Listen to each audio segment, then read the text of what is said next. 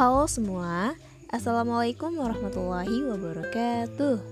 Selamat pagi, selamat siang, selamat sore, dan selamat malam Buat teman-teman yang lagi dengerin podcast aku kali ini. Kali ini aku mau bahas tentang friendzone Yang judulnya He is my boyfriend, not my boyfriend. Ini adalah cerita dari teman aku Pengalaman dia Ya tentang hati gitulah pokoknya Hmm. Skip, langsung aja deh kita ke ceritanya. Enjoy your podcast.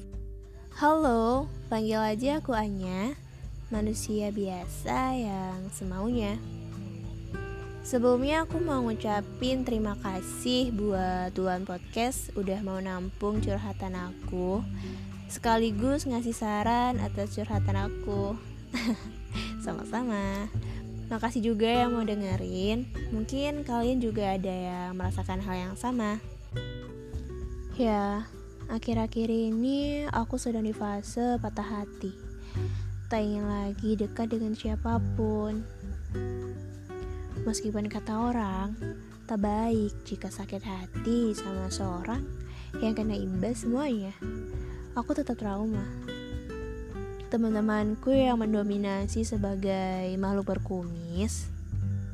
Secara mendadak, aku tutup komunikasi secara sepihak.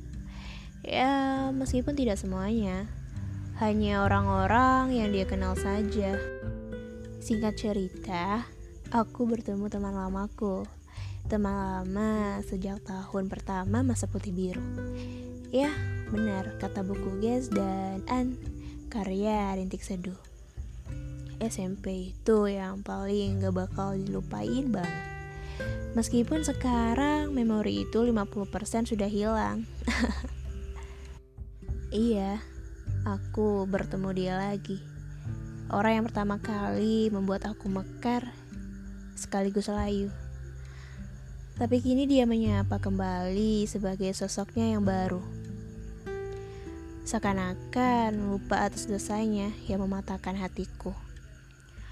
Oh iya, dia pun sebenarnya tak tahu. Jadi dia tidak berdosa. Tiga tahun di masa putih biru, dia juga menjadi rivalku yang sempat ku kalahkan. Hingga pada akhirnya, kita melanjutkan ke sekolah yang berbeda. Meskipun dekat, untuk bertemu pun tak pernah sempat. Sedih ya?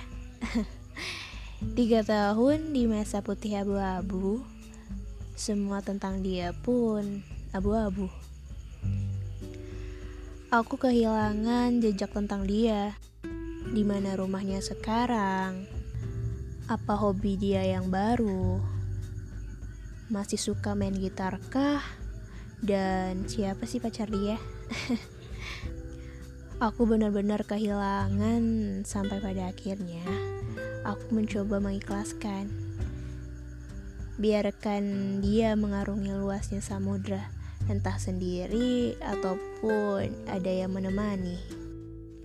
Di tahun kedua, aku bertemu seseorang yang mengungkapkan perasaannya tanpa aku jawab. Kan dia hanya menyatakan. Dia pun tak pernah bertanya jawabanku sampai dua bulan lalu. Ya, karena bagiku cukup. Hidup dalam ikatan itu tidak akan mengenakan bagiku. He just my boyfriend. Kita kembali bertemu seminggu yang lalu, membantu mengurus pekerjaanku yang tak jelas arahnya, sekaligus rehat dari kegiatan penatnya.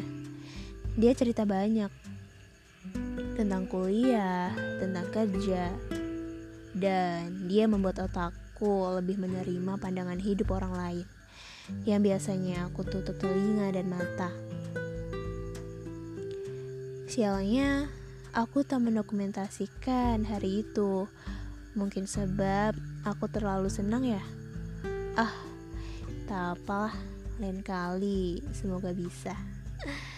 Karena di hari itu aku mendengar kabar darinya langsung dari bicaranya, bukan dari ketikan chat atau sekadar salam dari teman dekatnya. Tapi aku baru sadar, dia itu amat baik, baik sekali. Dia selalu ada saat aku jatuh. Walaupun saat aku senang, dia tak ada batang hidungnya. Aku kirim salam untuk kamu. ya, barangkali kamu dengar. Aku tak tahu apa yang kurasa ini sekedar rasa nyaman atau lebih. Semoga tidak ya perasaan itu hanya merusak pertemanan kita yang sejauh ini terjalin baik-baik saja. Oke, itu dia ceritanya. Ya, ada keuangan juga sih ya. Semoga hubungan mereka baik-baik aja. Ya, baik itu sebagai sahabat atau ya sebagai apalah itu namanya. Makasih buat kalian yang udah dengerin podcast aku kali ini. Maaf kalau ada kata yang buat kalian tersinggung Karena sengaja juga sih buat kalian tersinggung Makasih loh yang masih dengerin sampai akhir Bulan podcast undur diri. Dadah. Wassalamualaikum warahmatullahi wabarakatuh